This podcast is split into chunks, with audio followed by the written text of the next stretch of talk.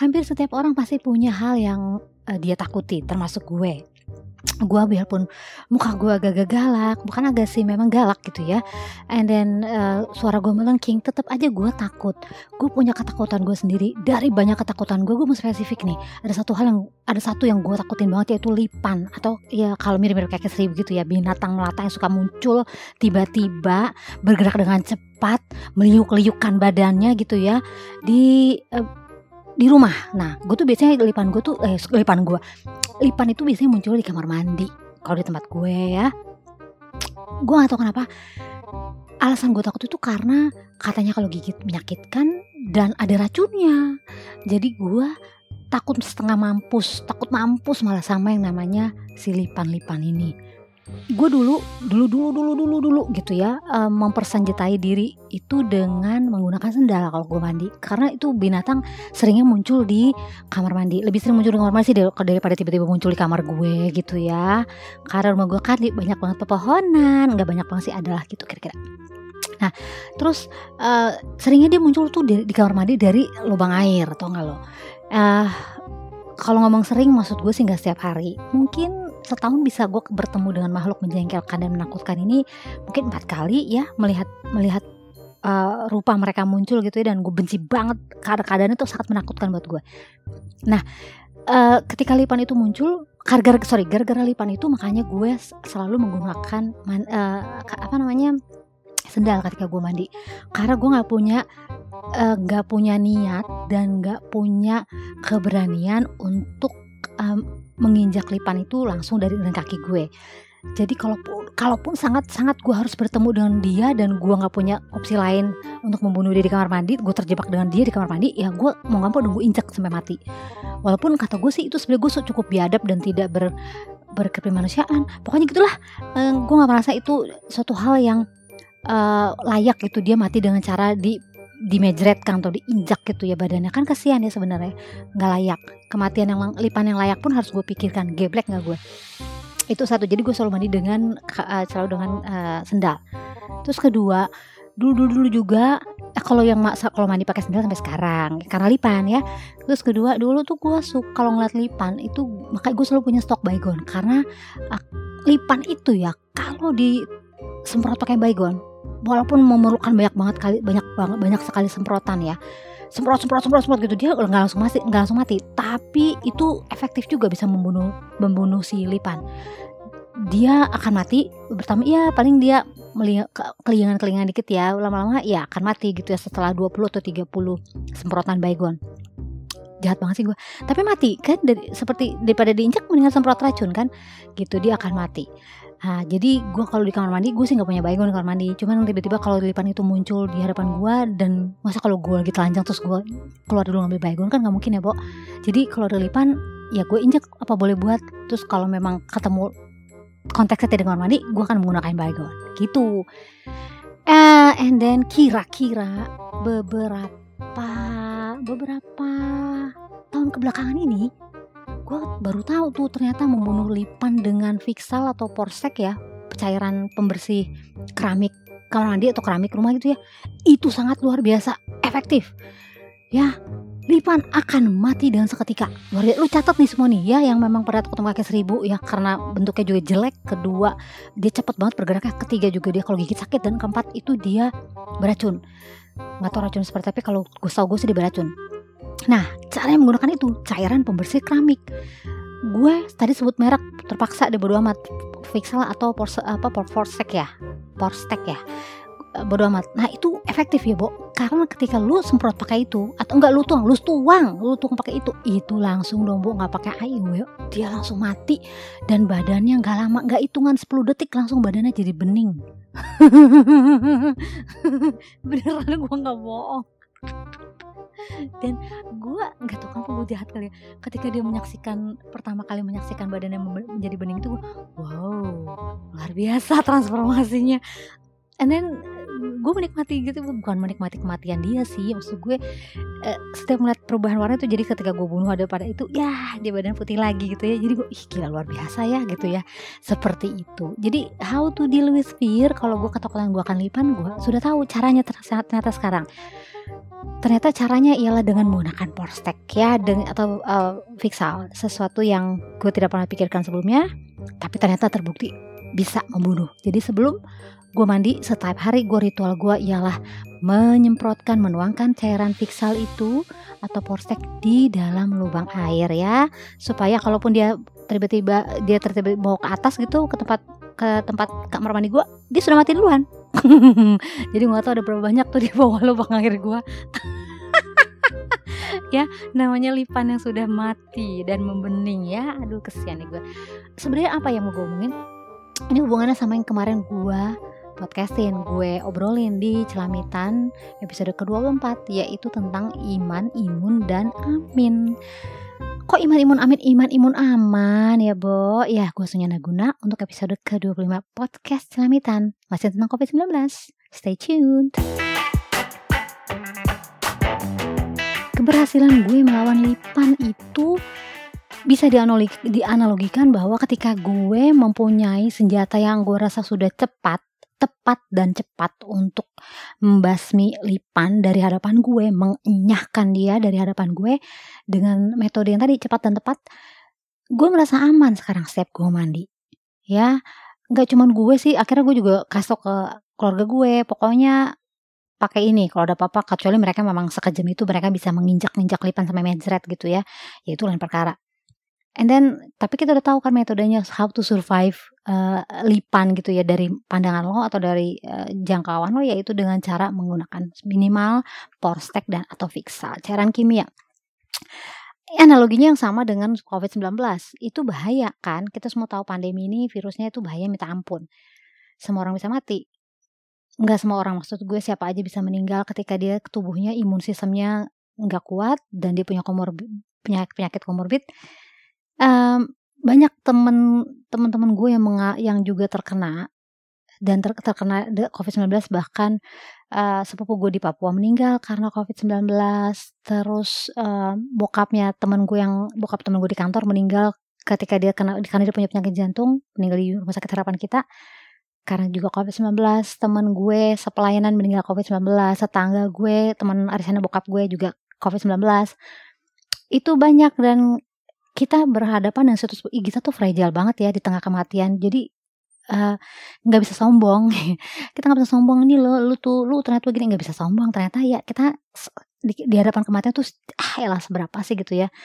Dengan virus yang yang nggak kelihatan tapi ternyata berbahaya sekali. Yang mau gue sampaikan lagi gue gini maksud gue ketika kita punya uh, arsenal yang tepat seperti yang gue sampaikan kemarin di episode ke-24 kita punya arsenal yang tepat seperti gue menghadapi lipan dengan uh, cairan kimia kita akan merasa aman untuk untuk kalau gue untuk terus mandi kalau covid 19 untuk gue terus beraktivitas sebisa mungkin dengan cara dengan normal. Seperti halnya bos gue tidak pernah tidak pernah pakai masker kecuali mungkin dia keluar kantor, keluar kantor atau di luar ruang publik tapi di kantor dia hampir tidak pernah pakai. Beberapa teman gue juga nggak pakai di kantor. Uh, apa namanya akhirnya kita melihat bahwa kita punya surviving kit sendiri gitu. Kalau gue udah dengan protokol Zelenko dan gue sosialisasikan ke banyak banget orang. Ke grup-grup WhatsApp walaupun itu menurut orang-orang siapa sih nih Zelenko? Tapi memang bahwa komposisi zinc vitamin C vitamin D juga kalau gue ditambahin dengan quercetin atau GCG itu lumayan sangat ampuh menurut gue sampai sekarang untuk keluarga gue sampai bisa bertahan dari serbuan uh, virus. Karena gue sama adek gue tuh masih sering keluar rumah kan sering beraktivitas. Terus uh, anakku juga kecuali bokap nyokap gue karena mereka sudah di rumah. Dan memang terkunci selama satu tahun nggak ke mana-mana. Kecuali kalau kita ajak makan yuk ke Sentul makan. Yuk ke Bogor makan gitu. Atau yuk kita makan uh, ke mana ke Senayan gitu. Kayak gitu baru kita bener-bener uh, tapi itu jarang lah nggak setiap hari atau nggak setiap minggu. Mungkin sebulan dua kali atau sebulan sekali. And then yang gue mau sampaikan bahwa kita punya ketika kita punya senjata untuk melawannya senjata yang tepat dan udah kita buktikan secara pribadi ah gue bisa oh ternyata bisa nih gue gak kenapa-napa gitu ya. Karena kita punya benteng imun sistem yang kuat ketika imun sistem kita kuat gue google google gitu imun sistem itu apa aja sih? Cara supaya memperkuat imun ya itu tadi vitamin C vitamin D zinc terus juga vitamin E itu juga bisa. Tapi gue fokus di tiga itu karena dari protokol Zelenko yang gue yang gue rekomendasikan ya itu tiga itu yang penting. Plus tadi ya L-quercetin atau si uh, eh, EGCG itu ya. And then ketika kita udah punya yang tepat dan kita memaintain uh, social distance yang aman gitu ya gue ngomong tanpa vaksin sebenarnya gue nggak ada nggak punya nggak merasa perlu ada alasan untuk bener-bener pembatasan ekonomi gitu. Karena gue menyaksikan kita tuh ekonomi secara ekonomi kita tuh jadi crippled. Crippled karena luar biasanya uh, serbuan apa maksudnya keparap keparnoan massal tentang COVID-19 jadi satu COVID-19 ada entah dibikin oleh bener-bener di lab di Cina atau memang karena satu hal ya proses alami gue nggak ngerti itu ada menjadi pandemi, kemudian orang berlomba-lomba bikin vaksin dengan yang yang eksperimental karena vaksin itu butuh waktu nggak cuma setahun dua tahun itu yang terbukti efektif itu melalui proses yang panjang bisa sampai 7 sampai 10 tahun untuk membuktikan keabsahan atau keefektifan suatu efficacy sebenarnya vaksin. Tapi ini prosesnya sangat diburu sangat cepat gitu ya. Uh, itu that's why gue menolak vaksin. Gue sekarang nggak mau ngomongin vaksin itu dulu tapi satu itu ada virus, terus kita berlomba-lomba mencari treatment dan vaksin gitu ya. Treatment vaksin itu misalnya treatment waktu itu ada hidroksiklorokin, ada treatment remdesivir atau whatever gitu. Jadi berlomba-lomba untuk mencari treatment yang cocok, pengobatan yang cocok. Terus ketiga ialah mempersenjatai diri kita dengan imun sistem yang kuat.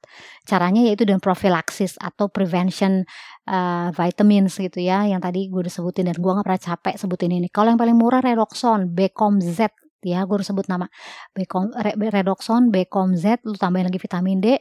Beli yang 120 mili produksi now tuh ya itu eh sorry 120 mili 120 butir produksi now itu udah 5000 IU terus juga ada quercetin juga produksi now so gue ada. Gue pakainya CGCG belum habis soal gue beli itu 90 butir Nah you have to lu tuh harus pakai itu karena ya bukan karena gue kalau gue pakai tapi itu yang aman gitu. Udah karena hidroksikloroquine sudah tidak tersedia bebas di pasaran ya. Uh, terus tadi mau apa ya? Oke, satu uh, terus akhirnya lu punya mempercayai imun sistem lu dengan dengan sangat kuat karena ketika lu terpapar pun you you will kill the virus yourself ya itu aja senjata kita. Dan akhirnya apa? Ketika kita memaintain membunuh virus kita sendiri kita membunuh virus itu kita sendiri kalaupun kita terpapar tidak terinfeksi ya. Terinfeksi itu ketika lu menimbulkan gejala. Kita membunuh virus kita itu sendiri ketika kita beraktivitas seperti biasa. Karena apa? Lu bisa social distance kok. Ketika lu bisa social distance dan gue nggak men, menemukan ada reason enough untuk kita harus uh, shutdown ekonomi harus ada pembatasan sosial sekarang ada PMKM whatever lah itu nggak perlu kalau gue bilang. Oke okay, uh, eh, apa namanya kita nggak berharap semua orang punya kepedulian seperti kita. Kita nggak berharap semua orang kenapa nggak peduli? Karena mereka nggak punya biaya untuk untuk mempersenjatai imun sistem mereka dengan vitamin-vitamin yang gue sebut tadi. Tapi kembali ketika uh, hal itu bergantung sama lu, then you have to do it. You have to be careful, you have to be responsible for yourself, then you can be responsible for others. Ketika lu terpapar dan lu membunuh virusnya sendiri, lu nggak menularkan ke orang lain. Itu maksud gue. Kenapa ini penting? Stay, karena banyak kan orang kaya yang punya duit, bukan orang kaya, maksudnya orang yang punya duit dan mampu membeli vitamin tidak melakukan itu karena itu mereka merasa mereka perlu, kedua mereka punya ketakutan-ketakutan sendiri gitu ya. Gue gak ngerti kenapa, tapi ketika itu bergantung sama diri lu sendiri dan duit gitu. Lu beli tuh vitamin lu persenjatai dulu sendiri dan ketika lu kenal lu bunuh sendiri lu nggak nggak menularkan kepada orang lain. Ya itu. Kenapa gue bilang nih Indonesia uh, sangat orangnya gue bilang pada nggak pedulinya itu gitu. Nggak peduli untuk uh, untuk uh, membangun sistem imunitas sendiri dan percakapan atau diskurs diskursus mengenai membentengi diri dengan boosting imun system ini nggak ada yang ada digembar-gemborkan di mana-mana. Itu selalu mengenai uh, angka angka terpapar udah satu juta seratus gitu ya. Uh, terus angka yang sembuh uh, ada sorry yang terpapar sorry yang sembuh itu satu juta seratus. Gue ngomong terpapar. Yang sembuh di Indonesia udah satu juta seratus tapi yang selalu digembar-gemborkan itu yang meninggal tiga puluh lima ribu. Entah sistemnya meninggal itu karena dia komorbid meninggal dengan COVID atau meninggal karena COVID it's totally different. Karena ketika dia komorbid dia meninggal COVID itu cuma COVID itu sebagai uh, bukan yang membuat dia meninggal karena dia udah, udah punya komorbid ketika dia meninggal karena COVID itu benar-benar dia meninggal sehat tiba-tiba meninggal karena COVID gitu ya. Itu itu lain perkara dan itu belum ada pembedaan atau studi mengenai itu. Sampai sekarang sih setahu gue belum ada tapi ngomong ngomongnya aja deh kalau memang yang sembuh satu juta seratus yang meninggal tiga puluh ribu it's a very big gap gitu loh. Dan gue kembali lagi apakah pencatatannya sudah benar? Apakah memang uh, apa namanya jumlah testingnya masif gitu? Di Indonesia tuh setahu gue nggak masif deh nggak masif testing nggak berlaku. Karena yang akan gue lihat bahwa kita harus membangun yang kita bangun itu ialah imun sistem, optimisme bahwa kita semua bisa melalui ini, kita semua bisa ketika imun sistem kita bagus, gue nggak capek-capek ngomong imun sistem. Ketika imun sistem kita bagus, kita bisa beraktivitas seperti biasa, berekonomi, melakukan aktivitas termasuk aktivitas ekonomi seperti biasa. Social distancing eh, tetap perlu, ya. Yang gue bilang kita nggak perlu mungkin orang udah capek kayak di pasar tetap orang nggak ada social distance tuh gitu ya karena siapa mau ngatur pasar setiap orang setiap masa setiap polisi suka pasar nggak ada kerjaan amat gitu kita harus hidup dengan harus menerima kenyataan bahwa kita secara sosial memang bukan makhluk Indonesia itu bukan orang yang memang disiplin ya. Uh, apa namanya tapi juga bukan berarti kita harus diatur dengan tangan besi harus ada PSBB yang nggak kelar-kelar sampai gue sampai sebel banget gue bilang sampai kiamat aja nih. Kesel gue sampai 8 Maret nih di Jakarta berlaku lagi. PMKM atau whatever itulah maksud gue kenapa sih harus gitu gitu loh kalau kita mau disiplin bahwa yuk yang punya duit minum vitamin pemerintah pasoklah vitamin gitu. Sosialisasikan bak, bak, bak, apa namanya mak, minum makanan bergizi atau minum minum vitamin sumber vitamin dia ada di luar outside do not do lockdowns gitu ya. Keluar kena expose to sun uh, sunrise gitu ya sunrise or whatever. Pokoknya lo keluar ketemu sinar matahari itu konsumsi vitamin D yang bagus vitamin C vitamin Kenapa sih? Gue gue nggak tahu mungkin akan akan ada chaos kalau uh, pemerintah bagi-bagi vitamin daripada bagian bansos yang akhirnya ada tilep-tilep juga menyebalkan sekali. Itu aja menurut gue. Ketika kita sos, ekonominya itu pontang-panting, orang makin susah cari kerja. Gue ngeliat tetangga gue sampai tetangga gue gitu ngomong, Mbak, Mbak ada kerjaan gak buat suami saya? Suami saya per 1 Maret udah dikeluarin dari kantor karena ada pengurangan karyawan. Gue sedih sih, kata gue dia punya anak, dia punya anak empat. Yang masih kecil itu umur 2 tahun. Can you imagine gitu, gue harus, aduh, it's very heartbreaking buat gue. Udah sampai sejauh itu seperti itu. Adik gue sendiri, dia uh, ngundurin diri, karena memang udah sebenarnya nggak dibilang ngundurin diri nggak juga sih dia memilih waktu itu dipilih uh, dikasih pilihan lu mau ngundurin diri atau lu memilih lu mau ngundurin diri enggak lu memilih ngundurin diri atau lu mau milih dipotong gaji lu 30%. Adik gue mending mending mending keluar lah, Bo, di 30% gaji kan lumayan. Jadi banyak perusahaan akhirnya mengambil polisi untuk mengurangi gaji karyawan. Dan itu nggak main-main. Gue sendiri sayang sekali sampai sekarang nggak ada nggak ada pengurangan karyawan, tidak ada pengunduran, eh, tidak ada pengurangan juga gaji gitu ya. Ya cukup lah untuk bisa beli vitamin.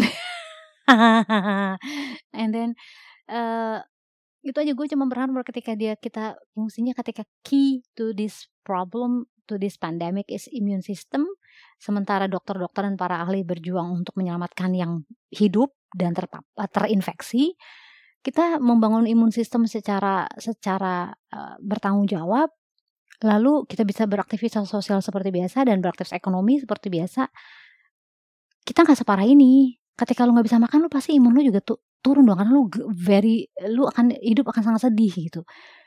Dan ini nggak main-main loh. Ketika lu parno juga lu imun sistem lu akan akan kena karena adik gue udah cerita kemarin adik gue kena loh. Kena mental mental uh, namanya terkena mentalnya gitu. Dia nggak kena covid tapi dia secara mental dia tersangat sangat sangat terganggu karena ketakutan mengenai covid. Karena begitu banyaknya berita yang mengkhawatirkan muncul dari covid gue sampai pernah berantem di Twitter hanya gara-gara gue membela Rina Nose. Rina Nose itu Rina Nose ya, tapi gue rasa namanya panggil Rina Nose. Kayak lebih keren gitu Nose. Eh, gue membela dia bahwa dia punya dia punya Rina Nose itu dia tidak mau divaksin setahu gue ya kalau gue lihat dari postingan dia yang waktu itu bikin ribut ialah dia menolak divaksin karena setiap setiap orang bertanggung jawab atas uh, metode atau treatment kesehatan yang dia pilih ada undang-undangnya mengenai hal itu. Dan dia secara tegas dia menolak vaksin. Ribut lah orang-orang. Termasuk biasa deh kan gembel-gembel gembel-gembel timeline tuh demen banget tuh termasuk yang seleb-seleb tweet juga. Demen ngebahas hal-hal yang yang kira-kira men, menimbulkan kericuhan kegaduhan dan menambah nilai uh, jumlah follower. Gitu ya uh, apa namanya ya terjadi seperti itu ketika mereka me, mereka salah satu yang gue follow itu ya uh, dia me, me, mengkritisi Nina Rina Nose dengan mengatakan bahwa uh, menolak vaksin dan mensosialisasikan hal penolakan terhadap vaksin itu dianggap sebagai hate speech sama dengan seperti uh, Rizik Sihab uh, ngata-ngatain kafir. Itu sama aja hate speech. Itu kata gue absolut kata gue sorry to say itu very dongo you know. Maksudnya ketika yuri, seseorang mengambil sikap tentang bagaimana dia atas tubuhnya sendiri nggak ada hubungan dengan ngatain orang kafir gila loh kata gue ih gila ini bener-bener karena menurut orang tadi itu yang bilang mengenai itu bahwa Rina Nose melakukan hate speech sama aja seperti melakukan hate speech itu bahwa dia membahayakan hidup orang. Come on man. Maksud gue gini, sekarang tuh gini, kalau orang yang berbeda sama lu pendapatnya itu gampang tuh dianggap sebagai lu penjahat, lu setan, lu iblis gitu. Lu harus diberangus, lu harus ditengking. Jadi udah nggak ada lagi tuh ke Rina Nose punya pendapatnya sendiri kenapa dia menolak vaksin seperti halnya gue, gue punya pendapat, gue punya pilihan sendiri kenapa gue menolak vaksin. Terus, terus mau itu membuat gue jadi jahat seperti iblis gitu? Kan enggak kan? Terus eh, dibilang bahwa gue melakukan hate speech, hah? Gila kali. Nah seperti itu maksud gue bahwa ini udah makin ngawur. Ini udah udah udah uh, apa namanya? Eh, diskusi dan argumen-argumen tuh makin ngawur karena dia argumennya bahwa gue berbulan-bulan di rumah supaya menjaga diri gue supaya gue gak kena covid juga istri dan anakku supaya nggak kena covid gitu. Enak-enak aja orang menolak vaksin. Terus nanti uh, membuat membuat wah segala macam dia argumen gue bilang come on. Gue bilang kalau lu mau milih di rumah menderita di rumah dan silakan. Itu kan pilihan lo lu nggak mau beraktivitas lu itu silakan itu pilihan lo. Kalau gue enggak Indonesia juga enggak. Ketika bos gue bilang kita waktu itu ya awal-awal covid kita dua minggu di rumah aja nggak usah keluar dulu. Tapi gue karena dua minggu dan kebetulan memang gue waktu itu kena status ya gue karena ipar gue kena ya dua minggu di rumah. Terus mulai ada diatur piket seminggu sekali siapa yang ke kantor. Waktu itu masih bener-bener kita masih bener-bener buta mengenai pandemi. Terus nggak lama tapi kan gue tetap harus ngadain kegiatan pameran masih virtual dan segala macamnya eh gue bilang nih pak gue nggak sehat lama-lama di rumah mulu. Kita ngatur lah seminggu dua kali atau tiga kali siapa yang bisa masuk kita sharingnya di grup. Akhirnya kita bisa jalan dan hampir setiap bulan kita ngadain pameran dan it's, uh, dan amazing gitu hasil. Yang gue bilang kalau lu tapi memang akhirnya gue selalu bilang bahwa kita selalu minum vitamin sampai akhirnya banyak yang gue tahu ya banyak kantor yang yang mem, yang mem, mem, harusnya mengharuskan karyawan untuk masuk misalnya karena ada produksi seperti apalagi misalkan produksi kayak pabrik gitu ya mereka memberikan karyawannya vitamin. Ya, itu kata gue itu kenapa nggak di ya sesuatu hal yang positif toh ketika mereka peduli bahwa omset perusahaan mereka akan turun kalau karyawannya sakit. Dan itu banyak banget dari beberapa yang gue tahu beberapa kantor atau pabrik bahkan menggunakan memberikan karyawannya vitamin gratis. Makan siang gratis supaya mereka nggak makan di luar. Hal-hal seperti itu. Kalau di kantor gue uh, yang mau beli yang mau ngambil vitamin silakan. Kalau nggak mau beli sendiri karena punya punya punya alasan sendiri saya maunya vitamin ini ya lu beli sendiri gitu. Kenapa nggak? Kenapa ini nggak seperti ini yang diberlakukan sih gitu. Dan ekonomi bisa seperti biasa. Mall tetap buka. Orang bisa tetap ngopi tapi social distance kalau di tempat publik yang yang tempat tertutup pakai masker kalau di tempat publik luar silakan mau buka masker atas, asal aman dan pada jarak yang aman itu kata gue kenapa nggak bisa dilakukan karena? Karena terlalu kita tuh terlalu dibikin terlalu parno dengan situasi seperti ini. Siapa yang diuntungkan? Lo tahu dong ekonomi ekonomi negara mana yang maju? Ekonomi negara mana yang bisa survive? Yang bahkan positif, positif hasil trennya. Itu itu maksud gue. Jangan kejebak sama narasi-narasi yang manipulatif dan karena lu parno terus lu menghalangi orang lain untuk mempunyai uh, pilihannya sendiri gitu ya. Uh, waktu itu pernah tuh Tara Basro Tar, benar namanya Tara Basro ya namanya ngeri ya kayak tukang bakso. Tara, dia hanya dia men, men, men, menget, uh, memposting di instastorynya mengenai uh, pendapat yang berbeda yang berbeda mengenai vaksin. Lu tau dong langsung orang-orang namanya seleb yang centang centang biru seleb tweet ya menghujat dia sebagai dia anti vax come on anti-vaks itu beda. Anti-vaks itu berarti menolak segala, jenis vaksin. Tapi ini kan mengenai keselamatan pribadi. Kenapa ada vaksin yang cepet banget jadinya, sementara yang efekasinya bagus itu yang maksudnya yang yang aman itu ialah yang 7 sampai 10 tahun produksinya. Ini ada apa gitu? Kenapa buru-buru diproduksinya? Ini eksperimental loh, very eksperimental. Nah, kalau beda-beda perbedaan uh, per, perbedaan pendapat seperti ini udah dianggap sebagai hate speech kalau misalnya, uh, apa, dia bah bahkan membahayakan karena dia banyak banget followernya kayak Karin Nose atau si Tara Basro gitu ya. Kalau gue mah apalah-apalah gitu ya. Nah, nggak bisa dong. Setiap orang tuh kan seorang pengguna sosial media harus dibangun bahwa mereka bertanggung jawab sama diri mereka sendiri. Mereka bertanggung jawab sama pilihan-pilihan mereka sendiri. Jangan pernah tergantung sama influencer, jangan pernah tergantung sama, um, selebriti misalkan seperti itu. Kalau kalau seorang selebriti bilang hal yang berbeda dari orang kebanyakan karena pertimbangan dia sendiri, hormati, hormati dia punya keputusan gitu. Jangan mem, jangan langsung sama rame-rame membuli dia tanpa alasan, apalagi pakai-pakai kreat alasan bahwa dia telah melakukan membahayakan publik gitu. Apa yang membahayakan kedongoan lu tuh yang membahayakan publik gitu ya dengan keparnoan-keparnoan lu sendiri gitu. If you if you disagree, misalnya if I disagree with someone yang punya pendapat berbeda dari orang kebanyakan, karena pendapat gue berbeda dari orang langsung gue langsung di label gue evil. Kan nggak begitu mainannya. Nggak, nggak segampang itu gitu. Maksudnya yang gue mau bilang bahwa lu lu di sosial media lu harus bisa udah bisa udah bisa membedakan apa yang uh, maksud gue gini lu di sosial media harus bisa membedakan ini benar apa enggak. Itu you have to make your own judgment. Lu harus uh, have due diligence gitu. Cari tahu ini bener apa enggak. Kalau dia nonose nggak nggak mau vaksin kenapa dia nggak mau vaksin? Jangan-jangan vaksinnya berbahaya? Atau kenapa dia nggak mau vaksin apa yang diparno aja kali karena vaksinnya buatan mungkin buatan eh, Cina gitu ya. Dia anti mungkin dia memang anti aja kali dengan takut takut takutan sendiri. Seperti itu misalnya. Kenapa? Misalnya lu cari tahu lah apa sih uh, plus minusnya divaksin? Plus minusnya di vaksin yang baru vaksin yang baru dibuat gitu ada plus minusnya kan? Jadi do your own research. Seperti hal ini di Rose juga dia banyak banget tuh. Dia gua rasa dia juga mau karena gue lihat beberapa kali dia punya status story ya dia kasih riset risetnya dia sendiri hasil-hasil yang dia dia mau. Termasuk Tara Basro ketika dia posting seorang dokter statement seorang dokter soal vaksin. Itu kan hasil risetnya dia. Kalau nggak setuju sama dokter itu atau nggak setuju sama Sarah, Basro, ya lu bikin dong uh, satu standingan, bukan berarti lu langsung ngebully dia, melabel dia sebagai evil atau anti vax. Itu kata gue udah katronya keterlaluan lah, katronya luar biasa. Nah, yang mau gue sampai di sini ialah uh, kita jangan pernah tergantung sama orang, ya. Uh, jangan pernah tergantung sama pemerintah misalnya. Uh, kalau memang keputusan itu ada di lu, dan you make your own decision. Seperti halnya tadi, banyak orang yang company yang menggratiskan um, vitamin karena dia mereka tahu bahwa cara sebelum ada ketersediaan vaksin ya, ialah dengan membentengi imun sistem karyawannya. Dan why don't we do it? Kalau kita punya kita beli sendiri dong.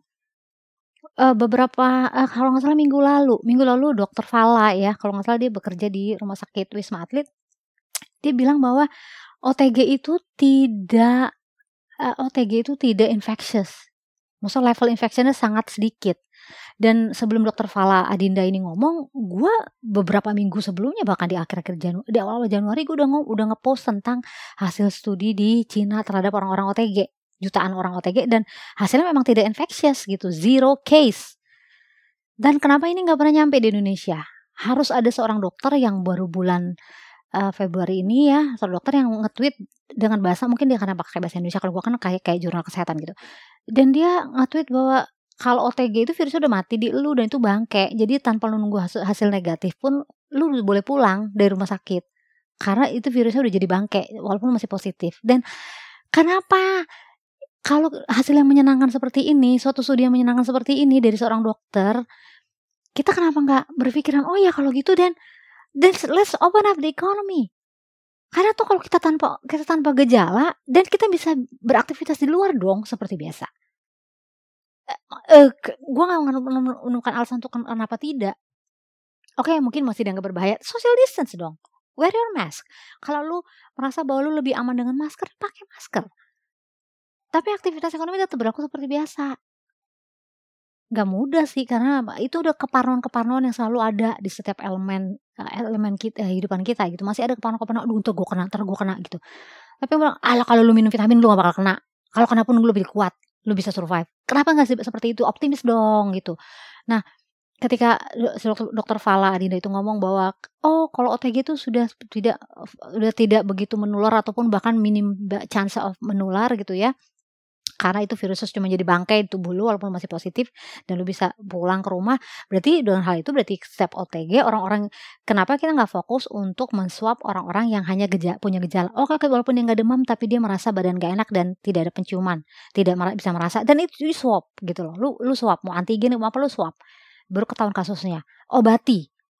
Gitu loh. Di rumah sakit atau di rumah obati udah itu aja kalau yang tidak bergejala then go out, expose to the sun, go to work.